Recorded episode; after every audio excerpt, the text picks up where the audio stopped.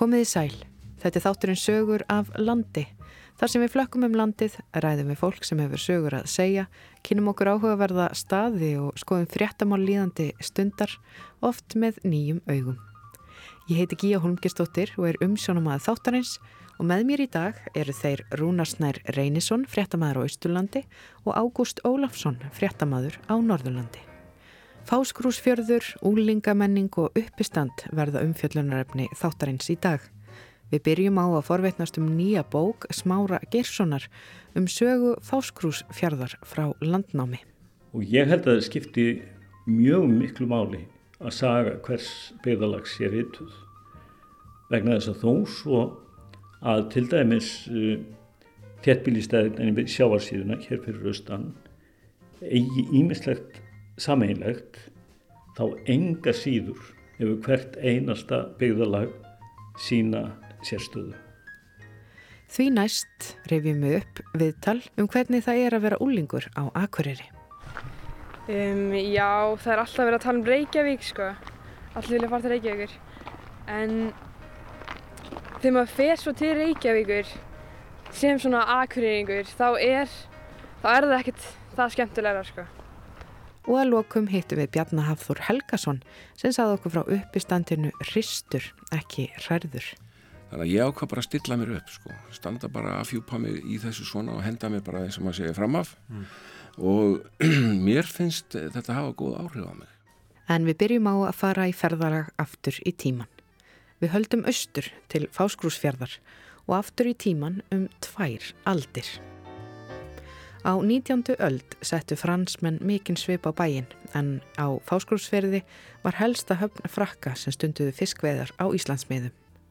Í bænum voru þegar mest var um 2000 franskir sjómenn en íbúarnir voru aðeins um 400 talsins.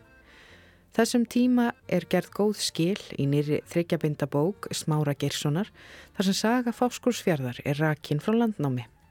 Smári hefur unnið að bókinu undarfærin 8 ár og Rúnarsnæ Reynisson hittan á dögunum.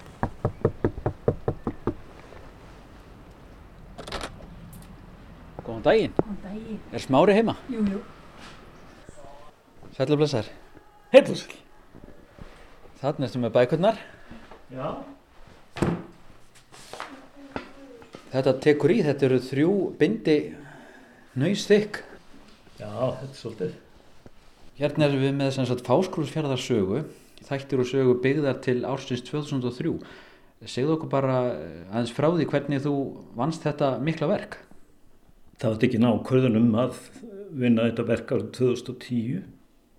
Þá að vísu var ég að byrja á öðru verki kvalviðisögu. Síðan kemur kvalviðisagan út 2015 og þá byrja ég fyrst að sinna þessu verkefni fyrir alvöru. Þetta hefur tekið talsverðan tíma og sumt hefur verið erfitt. Það hefur verið erfitt að finna heimildir í sumum tilvikum. En það hefur þann kost að þú þarfst að fara við það og hafa samband við margt fólk. Þú kynnist mörgum. Nú þekki ég orðið bara ansi marga fárskursvinninga. Indislegt fólk. Og það er kostur út af fyrir sig. Það er í sjálfu sér ekkert storkóslegt verkefni að skrifa. En hins vegar að finna það sem þú þarfst að nota. Það er stundum þrautin þingri. Fyrst aldrei á tilfinninguna að það væri einhver gött í þessu? Jú, jú, það eru ákveðin gött. Það er ekkert sem finnst um starfsemi fáskursverðarreps til dæmis frá 1911 til 1943 nema ímis skjöl og ímis gögn sem að reppurinn sendi ofinberum stopnunum, ráðuneytum og slíkum stopnunum. Þannig að þú þartir endina að fara svona baktir að megin að því að finna þær heimildir sem að þú þart að nota og auðvitað er það miklu fyrirhafna meira heldur en að hafa þetta á borðinu allt saman. En nú má gera ráð fyrir því að þú þekkir sögu fáskursfjara orðið ansið vel og hvað kom þér nú svona mest á óvart í sögu þessa þorps á Íslandi? Það sem að sérkenni náttúrulega fáskursfjörð er það að fáskursfjörð var helsta höfn fransmanna um langt skeið og fransmennir höfðu býstna mikil áhrif í þessu byggðalagi. Við meðum ekki gleyma því að það voru líka aðrir útlendingar sem þannig að koma með sögu. Færingar til dæmis sem að komu til útróðra, norðmenn sem að komu til síldveiða og svo þjóðverjar sem komu árið 1903 og reistu kvalstöð á Fáraeyri. Þannig að erlendu áhrifin skipta þarna heilmiklu máli. En til dæmis áhrif færinga og norðmanna voru víða hér á Ísturlandi mikil. Og hvernig byrjar þetta á fáskrúsverði? Byrtast bara skúturnar þarna, franskar skútur? Er einhverja heimildir til um það? Já sko, frakkar byrja nú að stunda veiðar hér við land sko í byrjun 17. aldar og síðasta franska skútan kemur á Pálskursvöld 1938 ef við mann rétt. Blóma skeiðið varðandi þennan fransmannatíma er 19. aldin og flest fransk fiskiskip við landið voru árið 1885 345 franskar skútur. Og það eru til heimildir um það að samtímis á fálkusverði lágu á annað hundrað franskar skútur inn á fyrirn allt upp í 120 og það voru um 20 manns á hverju skútu. Og í fáskursverða hreppi á þeim tíma voru svona um 400 íbúar.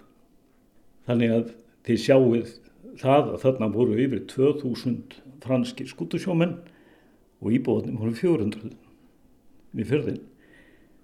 Þetta voru allt saman frakkar sem komu frá norður Fraklandi, þetta voru annars vegar flandrarar og hins vegar brettunar og flandrararnir komu fyrst og brettunarnir síðan í kjálfærið um 1870 og þetta var náttúrulega mjög áberandi Þeir kom í land, skútukallarnir.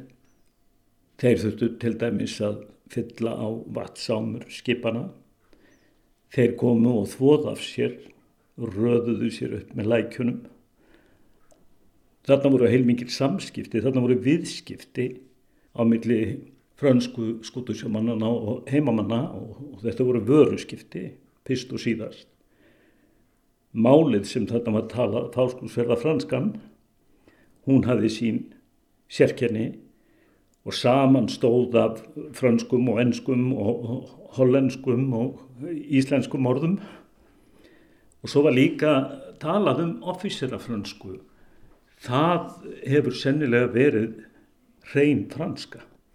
Og það voru góðir franskumenn á búðum.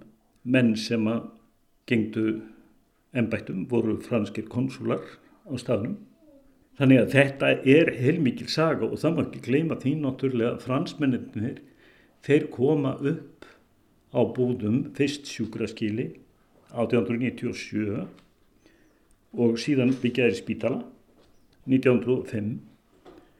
Þarna er reykið sjómanna heimili, þarna komu reglulega inn eftirlitskip og spítalaskip þannig að þetta voru gríðarlega mikil umsvið og Þetta var auðvitað afskaplega ábyrrandi í þessu byggðalagi meira enn í öðrum fjörðum hér eistra. Er eitthvað ekkert að svara því af hverju fransmenninni sóttu svona mikið akkurat í fáskursfjörðu? Völdu þeir sér fjörðin af einhverju ástöðu? Góð höfn. Tiltölulega þægilegt að segla inn fjörðin á seglskipum þess tíma og þetta þótti henda mjög vel. Fransmenn koma á fleiri fyrði hér eistra Norrfjörður, það var svona höfn nummer tvö og svo auðvitað komið þeir víðar. En má þá segja að eh, Íslandingar hafi lært til mikið í sjávarútvegi af útlendingum, frökkum og, færingum og norðmönnum? Já, sérstaklega held ég að meiri segja færingum og, og norðmönnum. Færingarnir þeir koma hér upp á 1870 fyrst og róa þá frá þilskipum sem að lágum við ferstarinn á fjörðunum síðan komaði til lands eins og þeir sögðu sjálfur, það er að segja að fóra að gera út frá landi, það er svona um 1875 og við Páskúsfjörð voru mjög veiga miklar vestöðvar pæringa Vattarnes. Þegar mest var vorum 50 færingar á Vattarnesi. Hafnarnes og fleiri staðir. Og það komi sömu mennirnir ár eftir ár eftir ár og gerði út. Það er til dæmis vitað að einn færingur sem heitir Jóhann Petur Eliasson, hann kom í 37 ár og gerði út frá Vattarnesi.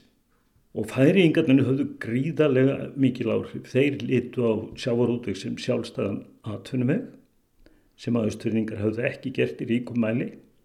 Þeir voru með betri veiðaferri. Þeir kynntu fyrir mannum síldina sem beitu, lang besta beitan. Færisku bátarnir, svonandi færingar, voru miklu betri en austfísku bátarnir sem fyrir voru. Austfinningar heitluðu staðisum bátum og keiftu þá í ríkum mæli. Þeir voru líka bara reynslu meiri og betri sjómenn og þetta lifti sjávarútvegi hér fyrir austan til koma færingana og það gerði stöðuta við fáskúsfjörð. Til dæmis síldin sem beita skipti algjörum sköpum. Áður menn fóru að nota síld sem beitu þá notuðu menn ímislegt, menn notuðu ljósa beitu sem var bara fiskur og þá einhver steinbítur. Og svo notuðu menn krækling, svo notuðu menn ímislegt eins og svartfugla, garnir og hundakjöt, rittukjöt og annað því líkt. En síldin hún bara af og færiðingarnir síndu mannum fram á það. Norrmennir voru fyrst og fremst síldriðimenn og e, þarna var veitt með landnótum. Þarna komu norsk nótalög og hverju nótalagi tilheyrðu nætur og bátar og söltunastöðvar og þilskip. Og e, það er um 1880 sem að norðmenn koma, koma sér upp aðstöðu og fáskúsfyrði. Otto Vatni til dæmi sem er nú þættastu fyrir það að hafa haft áhrif á atvinnulíf og seyðisferði.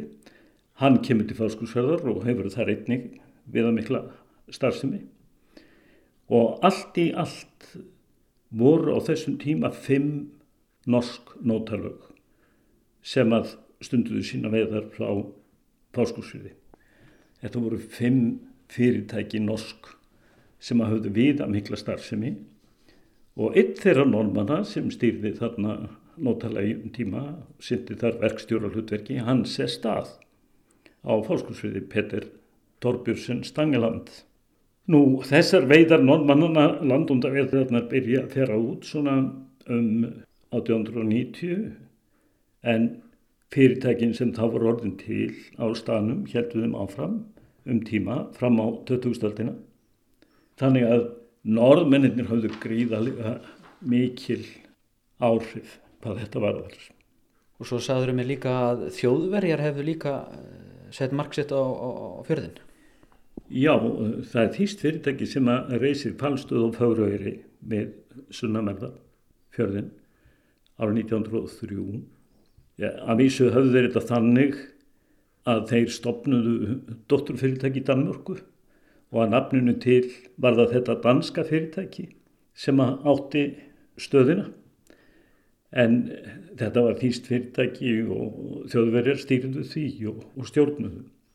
Nú þetta fyrirtæki það sem það kemur upp fallstöð sem var útbúin með ymsum nýstárlegum tækjabúnaði og það var maður sem að hétt Dr. Karl Pól Dr. Karl Marja Jóhannes Cornelius Pól hittan og hann altså er í reyndinni sár sem að finnur upp þennan tækjabúnað sem þótt að mörgu leiti mjög flottur og fín en virkaði kannski ekki alveg eins og skildi, en ekki alveg sáttur við það. Nú, vinnuaflið og stöðinni var hins vegar langmestu leiti nost. Þetta fyrirtæki gerði tvo kval viðbáta það var sem sagt reikið í frjálfvertíðir og samtals voru það 192 kvalir sem komið til vinslu á þessur stöð. 1907 er stöðin síðan seld, fyrirtæki gafst upp á þessum rekstri. Þá ákveður kaupandi það að flytja stöðina til Falklandsegja og reysir hana þar. Og hvaða tækjabúnaður var þetta, þessi nýstarali? Þetta voru ímistæki til framleiðslu fyrst og fremst á lísi, falalísi og síðan var þetta líka tæki til að framleiða gúanó, mjöl. Búnaðurinn var að ímsuleiti mjög framandi og þótti mjög flottur og leitt vel út en við vorum ekki alveg sáttur við hvernig þetta virkaði. Þegar að stöðin er seld þá selja þeir jafnframt falvið í bátana annari seldu til Japan og hinn til Síle. Og þessi miklu erlendu áhrif eh, á fósklúsferði hver er ástæðan fyrir því að þau líða undir lok eða, eða allir þessi útlendingar fara? Já það er nú eins og það er, það breytist nú ímislegt Nú við veitum hvað gerist 1918 og við veitum hvað gerist 1944 í íslenskri sögu. Nú viðþorfin til umsvifa útlendinga hér á landi almennt teku breytingum. Og á þessum tíma þegar við tilherum hennu danska ríki þá gildu aðra reglur, önnum lög og það er sem sagt svo umgjörð sem breytist fyrst og fremst.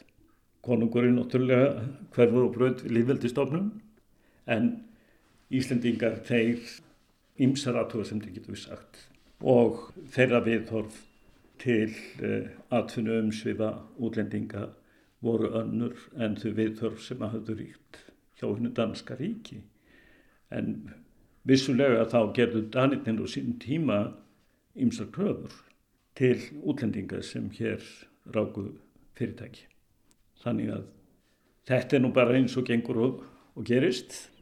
En hvernig gekk svo heimamönnum að taka við í, því að starfrækja blóðan sjáurútug? Það auðvitað tók uh, tíma eins og annar staðar en það má segja að þróunin í sjáurútvegi á fáskúsfyrði sé mjög sambarileg þróun í öðrum sjávarbyggðum hér eistra. Þannig að þar kemur í sjálfu sér ekki margt á óvart og fáskursvinninga þeir stopna eh, sína eigin útgerð loðnuvinsluna sem er eh, svona umsjöðamesta fyrirtæki í bænum í dag. Í dag, já, já. Myndarlegt fyrirtæki sem gerir út bæði bólfiskveðar og uppsjáarveðar og er með upplugt fyrstjús, mjög svo og síðan er það auðvitað fiskimjömsvarsmiða, upplugt einning. Og það er náttúrulega sérstækt að þetta fyrirtæki það er í eigu bæjarbúa, getum við sagt. Já, það er í eigu bæjarbúa og við getum alveg sagt það að, að kjarnin, hvað var það þá umræðu felstöðut eigi tilkomi kaufélags páskursfyrringa. Það er kaufélagið sem er í nefndinni grunnurinn. En um þetta allt saman er rækilega fjallað í fáskursferðar sögu þinni. Svona ítaleg saga, hvaða áhrif hefur hún á svona stað? Ég hef alltaf haldið í fram sko að eins og ég sagði að ef við þekkjum ekki söguna þá skiljum við ekki samtíman. Allt í samtímanum á sér skýringar og á sér fórsundur í liðinni tíð. Og ef við ætlum að hafa fullanskilning á okkar veruleika þá verðum við að þekkja söguna og leggja rægt við söguna. Ég vorðum alveg það að það eru ymsir hér fyrir austan sem að eru að taka því sér virkilega vel og menn sína því mikið náhuga að, að skrifa, að eða láta skrifa sögu byggðalaga hér. Og ég held að það skipti mjög miklu máli að saga hvers byggðalags sér hittuð. Vegna þess að þó svo að til dæmis þéttbílistæðin í sjáarsíðuna hér fyrir austan eigi ímislegt sameinlegt þá enga síður hefur hvert einasta byggðalag sína sérstöðu og menn þurfa að skrifa sögu hvers byggðalags og síðan þarf að leggja þetta allt saman saman til þess að átta sig á heildar mynd. Smári Gersson, eh, til hamingu með þessa bók Fáskursfjörðarsögu og þakka þið kjalla fyrir spjallið. Takk, takk. Frá liðnum tíma á fáskrúsfyrði fjöllum við um úlingamenningu á Akureyri. Við rifjum nú upp viðtal frá því byrjun þessa árs. Fréttamaðurinn Anna Þorbjörg Jónasdóttir rætti við meðlim í hljómsveitinni Brendu bönunum um hvernig það er að vera úlingur á Akureyri.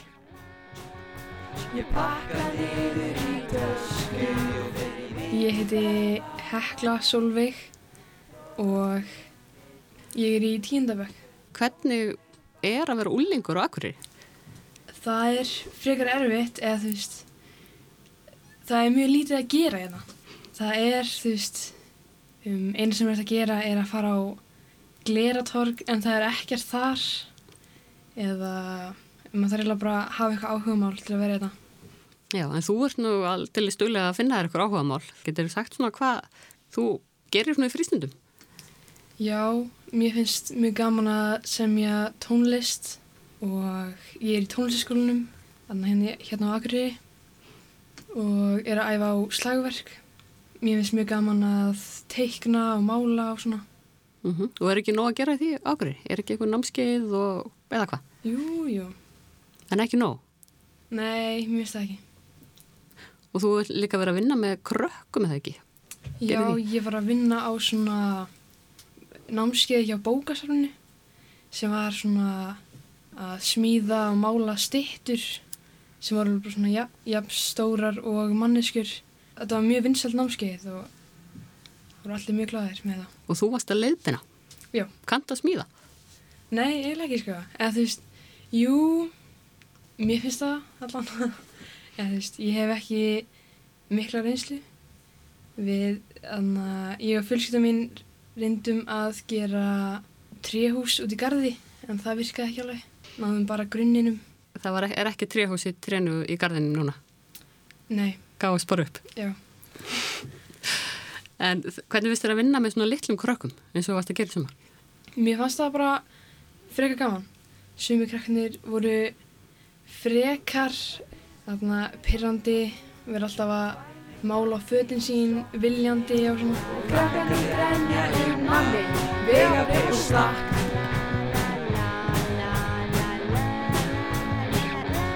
Hvað er uppáhaldstæðurinn á Akureyri?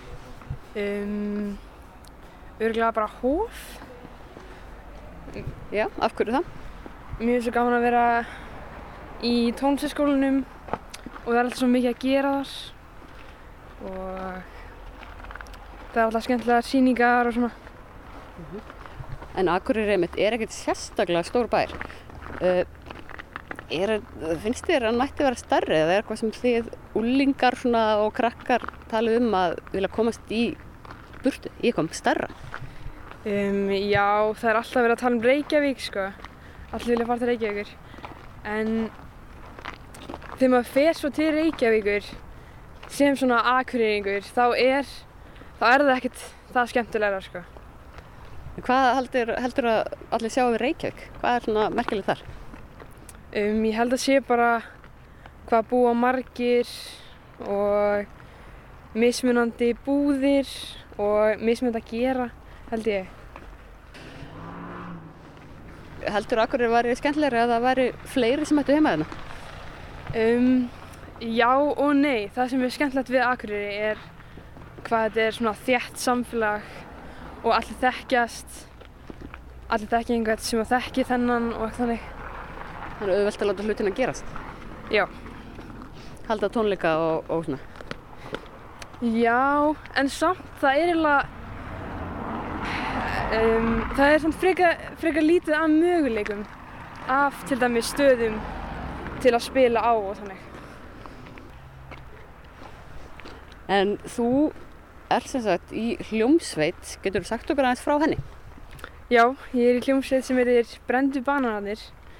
Um, Mér er búin að vera í hljómsveit síðan svona februar 2021 og það byrjaði sem ég og Gretar, hann er, uh, já, við söndum lag til þess að, að senda henni í keppni sem við komumst ekki í.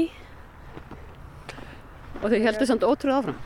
Já, og komast það ókslega gaman og byrjum að semja fleiri lög og okkur gekk bara frekar vel sko. Og var, þið voru svona tvö í hljómsdunni en það hefði nú eitthvað bæst við það ekki? Já, okkur, þegar við byrjum að spila aðna, á tónleikum, þá föttum við hvað vantaði mikla trommur og önnur hljóðfæri og þannig að við vildum fá okkur, okkur nýjan hljómsveitamæðlim og Ragga, hún er Ragnhildur Inga sem var að vinna rýmnaflæði hún ringdi í okkur og baði um að vera með í hljómsveitinni Þannig að þið voru svona fræga að fólk bara var að hafa samband við ykkur. Já, með mitt. En er ekki, finnst fólk ekki svolítið spennandi að vera hljómsveit? Jú, þannig að við settum upp auglýsingar og nokkri sendu okkur post en eh, sumir bara þrauk ekki að vera svona lengi á æfingum og svona. Um þau æfið eru svo mikið þá það. Um, ekki mikið lengur af því að sumir eru hættir en þarna stundum voru æfingar bara 6 klukkutímar sem var frekar þreytandi en rosa gaman sko. En farið miklu aðtikli fyrir að í hljómsveit? Um, uh, ekkert, jú, jú, eða þú veist, um, Mætti vera meira? já, mætti vera meira. En þið búið til ykkar eigin tónlist. Er það ekki að mestu leiti? Já, allt sem við semjum er frumsamið og allt sem við spilum á tónleikum er frumsamið. Um, all, allir textanir okkar eru á íslensku líka. Og semjið þið textana saman eða ert þú aðalega í að semja texta? Við semjum allt saman. Það sem er svo skemmtilegt er að ef, að, ef við byrjum á kannski einni línu þá smellur allt ef við gerum það saman. Og Og um hvað eru þið að semja? við semjum oftast um mat og bara alls konar sem að er að gerast í líf okkar. Ég þekki nú eitt texta hjá okkur, hann fjallar um ískapin heimjaður. Já, það er rétt. Það er um, við tókum, eðna, við skrifum niður allt sem var í ískapnum mínum og settum það saman þannig að rýmaði pínu og svona. Og já, sundum lag sem heitir Gums. Kaviar, tvö þú ett, api karteblur, þrísmjörvar, hvítlögar, sojamjölk, paprika, Heimagerð blábæri sulta, smjör og síld og salsasósa, æði þistlar, döðlupestó, kjúla afgangar. Eldgumul ísósa, eitthvað hvítt í boksi, tvær stórar krukkur af skýrðu smjöri, kattamatur og lambalæri, raukt pestó og pepperoni, hindberja sultaða. Mozzarella remulaði, eitthvað gums í glæri krukku, læmsafi og súrdegsmamma, sesamolía. ólífur, curry paste, stjörnu egg, majónes, eldgumul, ísosa, eitthvað hvít, í boksi. Þið eru búin að spila okkur tónleikum, eða hvað? Er þið búin að koma oft fram? Já, við erum búin að koma fram svona þrísa sinnum. Um, þannig að um, það var skemmtilegast. Við spilum með Drengnum Fengnum og Madonna plus Child á, í Hofi sem var rosa gaman. Hvar, þú spilar á bókasafninu einu sinni, var það skemmtilegt? Já, það var ógsta gaman. Þannig að, já, það, kom, það komu ótrúlega margir. Bara það fyllti salurinn og við, okkur, þannig að við, við byggumst ekki við því. Ég held að maður væri bara mamma og pappi og eitthvað þannig. Það er marga aðdáðandur. Já, sem, það, er, það er alveg klikkað, sko. Og þið hafa verið líka búið til eitthvað einn hljómsveita bóli. Já, við gerum það. Þannig að við kaupum bóli úr Hairtax og málum þá með hvítu, nei, hvítri annað veggmálingu og málum svo yfir með venjulegum akrílmálingu. Og seldust þið vel eða? Um, við erum ekki múin að selja mikið, nei, en við gerðum það aðalega bara fyrir okkur. Og veggspjöldin seldist upp. Það var rosa gaman. Ég eitti aðna alveg heilum degi ég málaði og seldist öll. Það var ógslag gaman.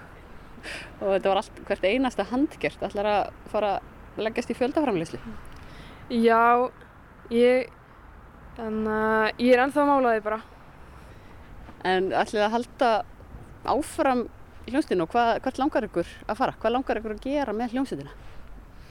Um, okkur langar að fara í músitilunir á þessu ári en við sjáum hvað, hvort þið komumst eða Þú sagði mér aðan að þið kaupið alla bólina í Hertex. Er það svona umhverfisvendar sjónamið eða, eða bara fjárhagslegt? bæði, bæði, það er, það er líka bara miklu þæleri föt í Hertex, það er bara, það er bara þannig. En nú er mikið talað um umhverfismál og endurvinna og endurnýta. Er það eitthvað sem þú hugsa mikið um? Já, auðvitað, allir ætti að gera sinn part og já, reyna að gera sitt besta bara. Og tala svona þínu jafnveldra mikið um umhverfismál? Um, já, þau tala um það en það er ekki mikið um þú veist að gera það, Fram, eh, Já, framkvæmt. Í framkvæmt. Já, þau framkvæma það ekki alveg. Og hvað finnst þér að það getu hugsað eða gert betur? Til dæmis að koma ekki með skýrdollur í skólan. Að gera mjög margir það, koma með veist, svala og henda því bara strax sem er frekar óþarfi. Og mættu kannski kaupa oftar í Hertex? Já. En eins og til dæmis ferðalög, það eru flugvilar, það eru bílar. Er það eitthvað sem að hefur tekið eftir að krakkar á þínum aldri er eitthvað að- hugsa um, að minka? Já, já. Það er rosalega mikið sport að hjóla núna, þannig að það er gott. En þið náttúrulega hafið ekki bílbrú ennþá, þannig að kannski auðvelt að, að hjó, framkvæma það þá núna. Já, reyndar, það er, það er frekar satt. Orkudrykkir eru vondir Fyrir líkamann fyrir Orskudrykkir eru vondir fyrir líkamann þinn. Ef þú drekkur of mikið þá færðu sveppvandamál. Það er svona eins og ljóð eða eitthvað. Umvitt, þetta er pínir svo ljóð. En ég held að úlingar var vittlusir í orkudrykki, er það ekki rétt? Um, jú, ég, ég þekki það af bekkjafélögum mínum og svona. En ég hef al- aldrei smakað það, sko. Nei, og allir ekki að gera. Nei, ekki strax. Fyrir líkamann fyrir Dæmi 23 Hér heyrum við lægið Gums með hljómsveitinni Brendu bönununum frá Akureyri. Anna Þorbjörg Jónasdóttir rætti við einu úr hljómsveitinni, Heklu Solvögu Magnúsdóttur. Sweet child of mine og frá einum listamanni til annars. Um þessa myndur býður Bjarni Hafþór Helgason upp á sögustund þar sem hann segir skemmtilegar og persónulegar sögur úr sínu lífi. Ágúst Ólafsson hitti Bjarni Hafþór rétt áður en hann steiga á svið á græna hattinum og svo fekk Ágúst líka fylgjast með sögustundinni úr salnum.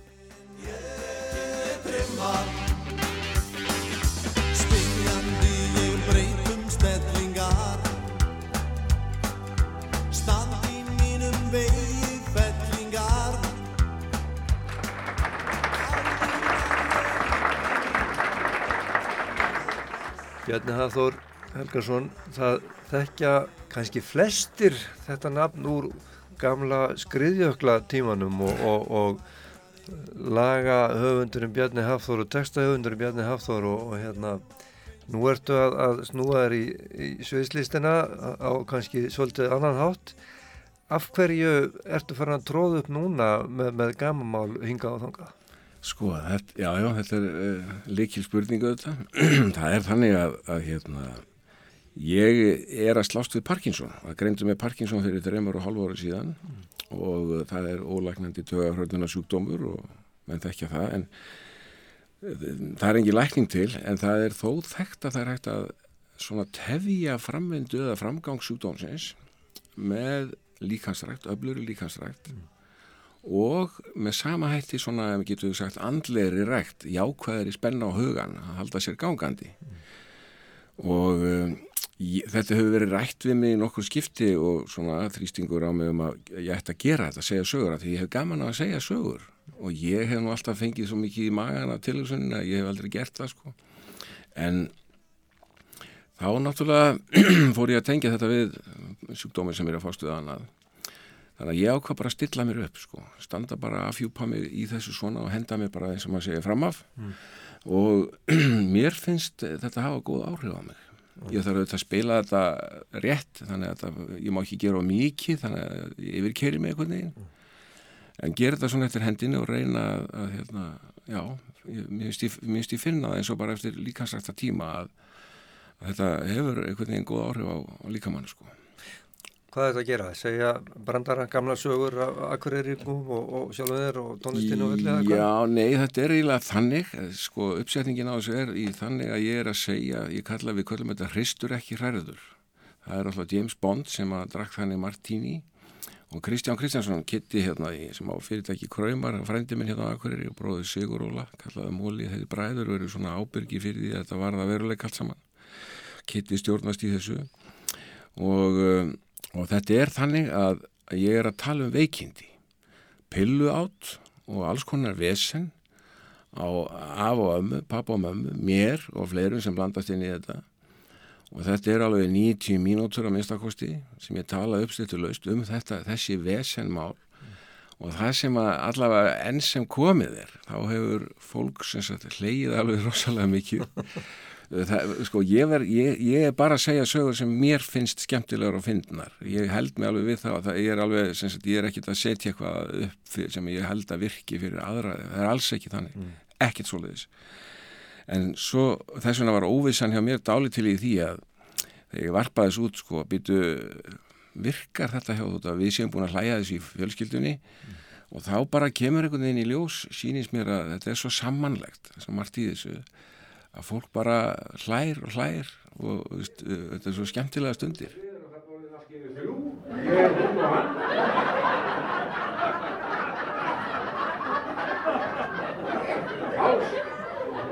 40 ára reysla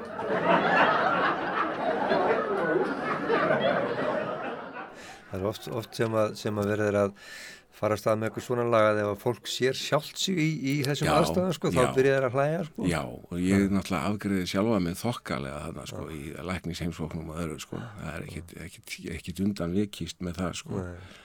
og alls konar bara sögur að þessu fólki, þannig að já, já, þetta er bara þetta er bara eins og, og pappi minn sko sem kemur úr hjartaðgerð þegar hann kom inn svona aðeins á efri ár og, og upphóð með það sama keppni í, í veikindum á húsavík sko við, við leggjum miklu áslá að reyna að hafa húmor gagvat veikindum, reyna það það er ekki alltaf hægt og dagarnir eru misjafnir. En ef maður reynir að sjá finnur hliðarnar að þessu pappi sko, hann bara hóf keppni á húsavík um leðan kom þangað og megin regla maður svo að sá sem að var veikastur á þess að drepast, hann vann. Og það þýtti ekkert að koma til hans með flensur og svoleiðis, það menn komist ekkert upp úr riðlinu minni sinni þannig, eða hvað þá undanúsli það var menn verið að vera með eitthvað alvöru sko, svona slæmska innvortis og útskýrð, menn komist langt á henni oh. og þetta var veist, allt svona og, og skiptuður á pillum og allt maður, buðu pillur í kross og borðuðu hvort frá öðrum og kallarnir og veist, þetta er lýsingar á þessu öllu saman sko. mm. Mér langaði að byrja þetta á léttunót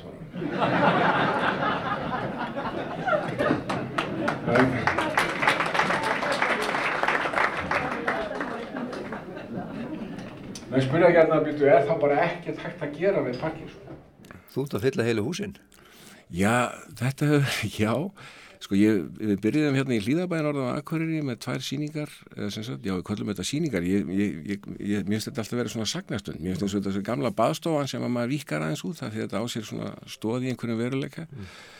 og það var tvö full kvöld 120 manns kvort kvöld og þá var ákveðið að hérna, gera þetta í salnum í Kópavogi sem tekur 300 manns af því það var bara, ég fekk bara fullt af hringingum frá fólki sko, bara, ég þarf ekki að segja skálda það eins og sumi stjórnmálamennar það hefði verið haft samband við mig því það var það og þá ákveðið bara ok, skulum bara gera það. Og þá fylltist salurinn. Það var svaka gaman en þá um leið var ég búin að samþykja það. Kitty minn, minn maður hann sagði, þú ert að taka bara eitt rúnt hérna fyrir norðan, prófaðu það og sjáum hvernig það gengur. Og þá sem sagt var ákveðið að taka aftur uh, græna hatt, á akkurir sko, fara þá að græna hattina því að það er, það er hérna voru margir hér sem ekkert komist í Líðabæ og svo Húsavík og, og Valaskjál og Egilstöðum taka þetta svona mm. og ég ætla að gera það og það er sem sagt bara fullt hús segist aðaraldari mér í á græna hattinum það er uppselt á Húsavík heldur þessu 200 á allir 200 seti þar mm. og komin að stað salan á Valaskjál ég veit ekki hvernig það verður síðan, síðan var ákveðið þetta er náttúrulega alveg stórfurðulegt sko, mér er fyrir að líða eins og rocklungsett á tónleikaferðalagi sko, þetta er nú fyrir eitthvað stuttferðalag samt en það var ákveðið uh, vegna mikillar uh, fyrirspurna að hafa aðra síningu í salnum í Kópói í 13. janúar ah. og það er nú þegar búið að selja held ég meir en helmikina miðan á þar þannig að ég veit ekki alveg ég segi stundum að fólk sé að verða galið Erstu að fann að sjá eftir þessu? Já, nei, þetta er allt í lagi með með þá sko. það, það er aðalega, sko, fyrstu, fyrsta álægi á stressið verið að vera farið þetta var mikið, það hefur aðeins lagast, maður jafna sig aðeins á því þegar maður finnir þetta, að fólk hefur gaman að þessu sko en þá kemur aftur á móti hitt á eftir býtu, það er alls konar lýsingar og um þetta hvað þetta sé rosalega fyndið og skemmtilegt og maður fer að velta fyrir þessi svona svo kemur fólk og segir á ég ekki að hlæja hér í 90-100 mínútur. Og koma bara tilbúinir sko. En auðvitað kemur fólk til þess að hlæja og skemta sér. Þetta er auðvitað jákvægt og ég stend þarna fram með fólki og það er enginn komin til þess að vera í einhverju fílu eða leðendum þannig að þetta strax tikkar einhvern veginn inn og menn tengja við sögurnar Já og, og sko það þekkja náttúrulega margi Bjarnar Hafþór frá, frá popparunum og þetta var kannski línan á þeim árum skriðakla tími, þetta var náttúrulega grín. Margt að þessu djók, skemmtilegt þið dönsuðu og sprelluðu og, og, og, og þú samtir náttúrulega texta sem er leiðið en þetta í dag sko. Já, já, það er mitt það, já, já, það er, það er skemmtilegt og ég ég er alltaf gaman, ég, hérna, það eru þrjú, fjögur ár síðan ég tók sagt, alla mína tónlist og það eru sko 76 lög sem ég hef sett í eitt pakka við unnum hann í Danmark og Íslandi heitir undir einu samnefni sem heitir Fuglar Hugans mm. og þar var all tónlisti mín unnin upp aftur professional sko mm. og á þessum Fuglum Hugans það sem eru svona 76 lög þá þá hérna það er svolítið gaman að velta þessu fyrir sér að ég hérna þegar verkefninu laug og ég með þetta tók eitt og hólta ár í samfældri vinnu mm og þá hérna gerði ég í raun og veru ekkert. Það er að segja ég held ekki útgáð tónleika ég auglýst þetta ekki neitt. Ég sagði frá sín bara örfáðan viðtölum. Búið, gerði nokkra diskakassa sem eru fimm diskar í. En svo fór þetta bara inn á Spotify og svo bara núna um daginn þá var ég að skoða inn á Spotify og þá kemur ég ljósað á þetta sapn mitt sem bara var lagt þarna inn á búið eru konar yfir sko 230.000 hlustanir. Jafn drift yfir þetta og það er svolítið, breytti tímar einhvern veginn. Það var því að maður mann eftir skriðjökla lögunum sko, tengja og reysa mín blá og auka kílóin og mamma tekkur slátur og mikið refur og hvað. Þetta var spilað svo skefjalust í úttarpi sko. og gaman að því líka fyrir mann sko. ég sem ég þetta hérna bak við gardinur heima hjá mér og svo bara dundraði bandið þessu út og gerði allt vittlist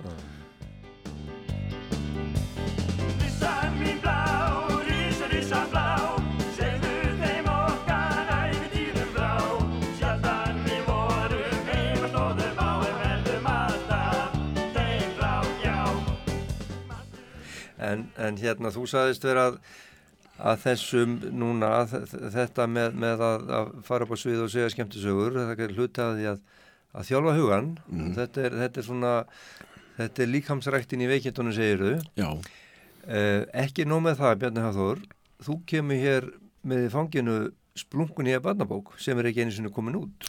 Þannig að, sko, þannig að þú, ert, þú ert í ímiðskona huguleipur þetta er rosalega skemmtilegt. Og ég var svo hamingjusam þegar ég fekk bókina í hendur. Hún heitir sko Tríó lendir í æfintýrum og Tríó er kvolpur með þremur litum.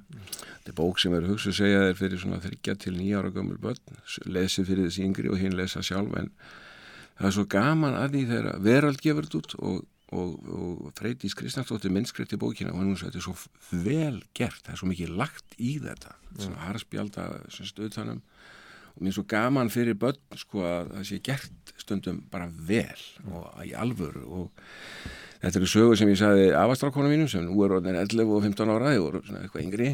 Og þessi kvolpur sko lendi óvart til þeirra á, á, í fjölskyldunni á Kársnes í Kópói og svo ganga sögurnar allar út á það að hann týnist. og það fer allt í háa loft, hann er týndur og allir er órólegir. Og svo er sagt sko fjallasögurnar um hvað hann gerði á meðan hann var týndur. Hann lendur upp á dróna og hann fer inn í jarðgöng og hann lendur í hapsögubáti og ég veit ekki hvað, hvað. svo enda sögurnar alltaf vel sko, það ná allir saman. En þetta eru bara svona reyn og einföld ævintýri. Og það var einn kona sem sagði mér, mér, mér þetta væntum það, hún sagði það er, það er gaman að lesa svona bók fyrir börn þar sem verður að lýsa því sem fullarna fólki gerir. Mm. og ég segi býtu hvað, hvað er það að menna til dæmis hafsögubátur mm. það er bara góð lýsing á því fyrir börn hvað hafsögubát þarf að gera, ég hef ekki velt þessu fyrir mig ég saði bara strákvara með þetta þetta kom á skemminu sko.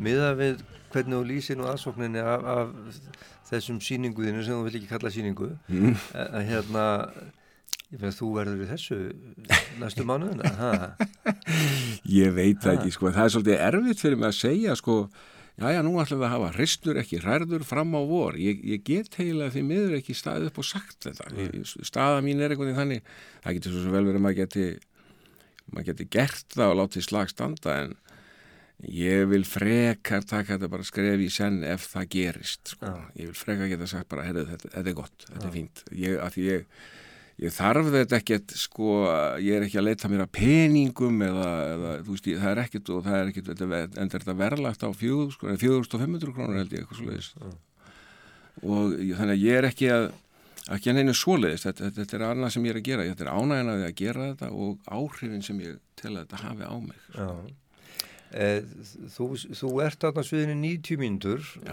á fullu allan tíman og, og fólk hlægjandi og velstandi um allan sal.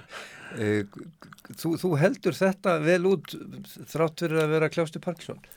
Já, það hefur nefnilega reynslan er svo ennþá 7.9.13 að eftir 90-100 mínútur ekki að hlýja þá er ég skrokkurinn á mig góður og þegar ég vakna morgunin eftir þá er skrokkurinn góður. Mm. það, það er eins og, ég veit ekki það er eitthvað varandi dopamin búskapin trúi ég sem að gera það verkum að þetta hefur svona, liggur svona.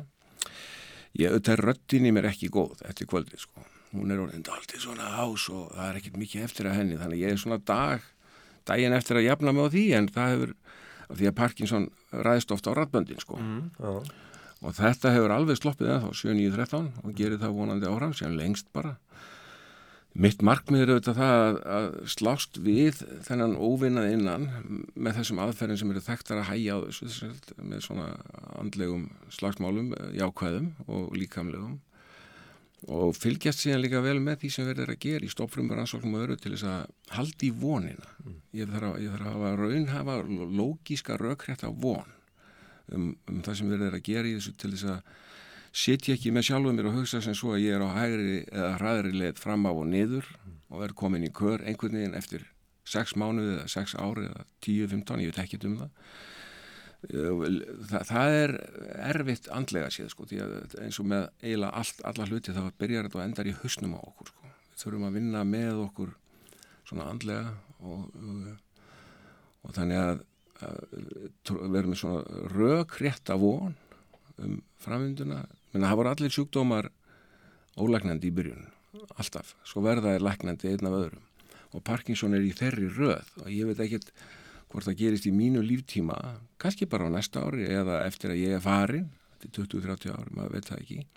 En það er mikið í gangi og, og þetta er allt saman liður í því að einhvern veginn sætta sig við það sem að, maður fær ekki breytt. Og og hafa kjart til að breyta því sem maður getur breytt og, og það er í raun og veru það sem ég gerir með þessu og, og þessar uppstillingar á sjálfuð mér og það sem að húmóristarnir kom í húsið það er hafa gengið vel og ég, mér finnst þetta þetta er krefjandi að gera þetta. Þetta er ekkert svona, maður gerir þetta ekkert með vinstri hendin og einhverju kæruleysi sko. þetta er, maður funar svolítið upp í aðdragandanum og þetta þarf að stilla á sér hausin og allt það.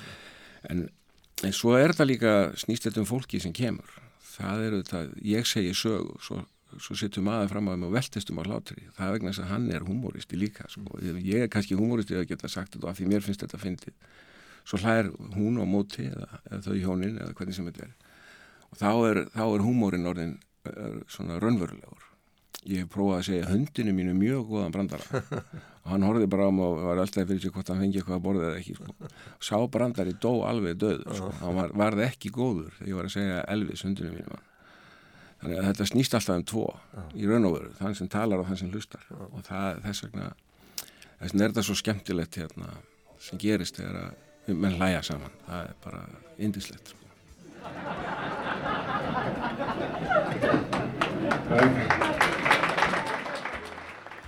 Bjarni Hafþór, takk fyrir að, að gefa þið tíma í, í þetta spjall og, og hérna gangið vel á sviðin og gangið samt miklu betur að kljástu við þennan fjandans Parkinson. Takk að þið kjærlega.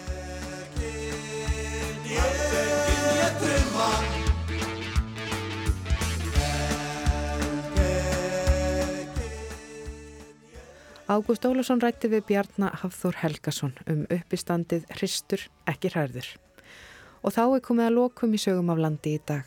Í þættinum var einni rætt við Smára Gersson um ný útkomna bókans um sögu fáskrúsfjörðar, auk þess sem reyfjað var upp viðtal við Heklu Solvu Magnúsdóttur um hvernig það er að vera úlingur á Akureyri.